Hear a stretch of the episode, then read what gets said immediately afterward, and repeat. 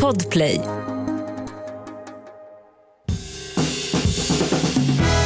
Och god mat, det kan ju vem som helst laga, bara man har bra ingredienser. Och så smör förstås. Hej Jessica. Hej. Hur mår du? Jag mår... eh, Alltså jag mår... Det är upp och ner, ska Ja. jag faktiskt helt ärligt säga. Att eh, Min eh, mormor har ju gått bort ganska nyligen. Och det är så här, vissa dagar som idag är bara så här... Jag mår lika grått som vädret på något vis. Men det, eh, jag har hennes kläder och jag har hennes parfym på mig. Så det känns ändå så mysigt som att hon är, är här Ja. i sin spirit. Och det känns också alltid bra att eh, prata om mat eftersom det var, eh, mormor var ju den som lärde mig att laga mat. Fint. Ja, så det är mysigt. Hur mår du? Eh, nej men, eh, jag är också lite... Det känns så himla deppigt att prata om att man är grå. Men Ja. jag känner mig nog också lite det. Eh, upp och ner. Liksom. Ja, men det är ju svårt. Alltså, jag var ute och tog en promenad tidigt i morse. Eller tidigt, tidigt för mig. Ja. Men att så här, solen, alltså man, man ser att den finns Mm. bakom, bakom ett moln. Mm. Där någonstans anas ett, liksom ett ljusare mörker. Men, men det, den når inte riktigt Den ner. inte riktigt så att det är ner. inte konstigt att man liksom... Ja, att det sätter sig ändå på humöret. Det är ju svårt Mm. när det, man är i det konstanta mörkret. Och det tror jag att så här, det behöver vi inte sticka under stol med. Även om jag är en liksom kroniskt positiv person eh, egentligen så tror jag att Mm. man ibland också bara behöver ta så här tio minuter att bara okej nu, nu är det grått. Ja, Man är trött. Eh, verkligen. punkt. Men jag tänker att man kan ju låta sig själv vara det och möta sig själv i det och göra något fint. Liksom. Mm. Och som du säger, det är ju, då blir det ju så bra med mat. Att här, det behöver inte vara en fake positiv grej utan man kan stå där i sitt kök och vara så här, ja, jag känner mig lite låg typ, Mm. men jag gör någonting fint för mig själv eller någon jag tycker Ja. om och minns någon jag tycker om. Ja, och jag tror att det är superviktigt att just där, när det är så här Mm. att verkligen vara extra loving, alltså extra Mm. omhändertagande mot sig själv i att så här, i de små detaljerna som Mm. kan vara så här Ja, men det här med att så här, krypa ner i en nybäddad säng med krispiga lakan eller laga jag, gjorde, jag gillar inte ens egentligen, jag har inte mjölk i kaffe utan jag dricker alltid kaffe svart. Men igår var jag så här, nej men jag behöver nog skummad mjölk på min kaffe för att det ska vara lite extra mysigt. Så där, skummade jag mjölk, hade lite kardemumma och så här pytte lite socker så att den blev så här lite söt. Så då bara, mm, typ, känns det som en varm kram. Att man gör de här mini, minigrejerna så blir det ändå mysigare. Ja, så fint ju. Mm. Men ska vi, inte, ska vi inte prata lite om comfort food idag då? Alltså bara så Jättebra vad man kan äta när man mår lite så här som jag tror att så många gör just nu. Ja, en, så här, eh, en varm kram. En varm kram i en En- tallrik. En varm kram i en tallrik. Det är ju faktiskt min favoritkategori mat. Så att säga. Alla, alla kategorier jag har. Eh, I en av mina kokböcker har ett helt kapitel med eh, comfort food som jag faktiskt beskriver just det här att alltså det finns ju det här med tröstäta. Mm. är ju en grej som man säger att man inte ska göra. Jag kan tycka att det är en toppengrej. Att man genom något så enkelt som mat Mm. kan ge sig själv lite tröst. Det finns ju mycket värre saker Ja, att ta verkligen. till än en god tallrik mat. Mm. Så, att säga. så att jag tycker att vi behåller tröstmat och sen lägger vi alla andra lite mer livsfarliga grejer Lite mer livsfarliga grejer. lägger vi åt sidan. Eh, och jag har faktiskt en rätt som passar perfekt in på det du beskriver som jag brukar, brukar göra när det är lite så här. Dels finns det ju de alltså, klassiker som, som jag kan tipsa om lite först. Alltså falukorv och stuvade makaroner. Oh, wow. Bästa, bästa tröstmaten. Potatisgratäng som jag tjatar om Mm. cirka en gång i veckan. Men det är för att den aldrig Den, den, ligger tröstar alltid. Den tröstar alltid. Och sen lasagne. Tröstar alltid. Ja. Men den är lite... Man behöver lite energi exakt. för att laga lasagne. Så nu tänkte jag att jag ska tipsa om något som tar typ en kvart.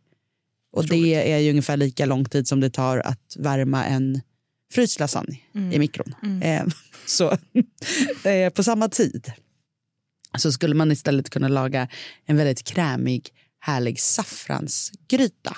Oh, wow. Som man käkar med ris, eller med pasta eller med klyftpotatis. Passar till allt. För att göra den här rätten så behöver man ett paket helt vanlig saffran, två gula lökar, en purjolök, sex vitlöksklyftor, en tesked salt, tre deciliter grädde, röd chili och antingen någon slags vegokött, typ corn eller liknande, eller vita bönor kokta. Ris, potatis eller pasta. Bara det. Och nu tänkte jag berätta hur man gör Oh. Okej, jag är redo. Det här blir liksom meditation. Nu kör vi. Ja. Eh, och då börjar man med att eh, antingen då steka eh, 400 gram vegokött eller motsvarande mängd typ vita stora bönor i lite smör. Sen så skalar vi och strimlar sex vitlöksklyftor, två gula lökar och tvättar och skivar en purjolök. Steker ner det här också i grytan. Och sen har vi på en tesked salt, den här paketet med saffran och då är det den här vanligt sånt. Har du såna hela pistiller så kan du såklart använda det också men då behöver du mortla dem lite eller någonting innan så att du får ut smaken. Och sen en halv hackad röd chili. Har du inte färsk röd chili hemma så kan du ta lite chili flakes eller kanske lite sambal olek istället.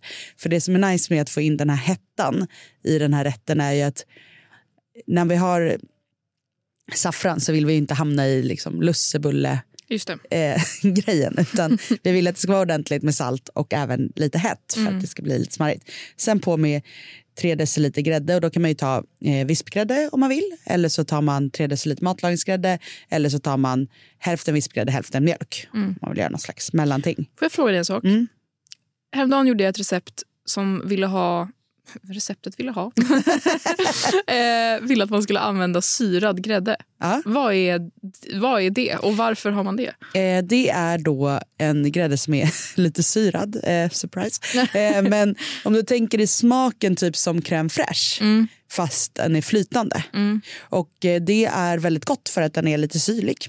Och den liksom, för det stod på paketet typ så förhöjer smaken i maten. Eller Ja, sånt. och det är ju för det här eh, som man ofta hör talas om kanske att man vill ha alla smaker i en rätt. Alltså salt, surt, sött.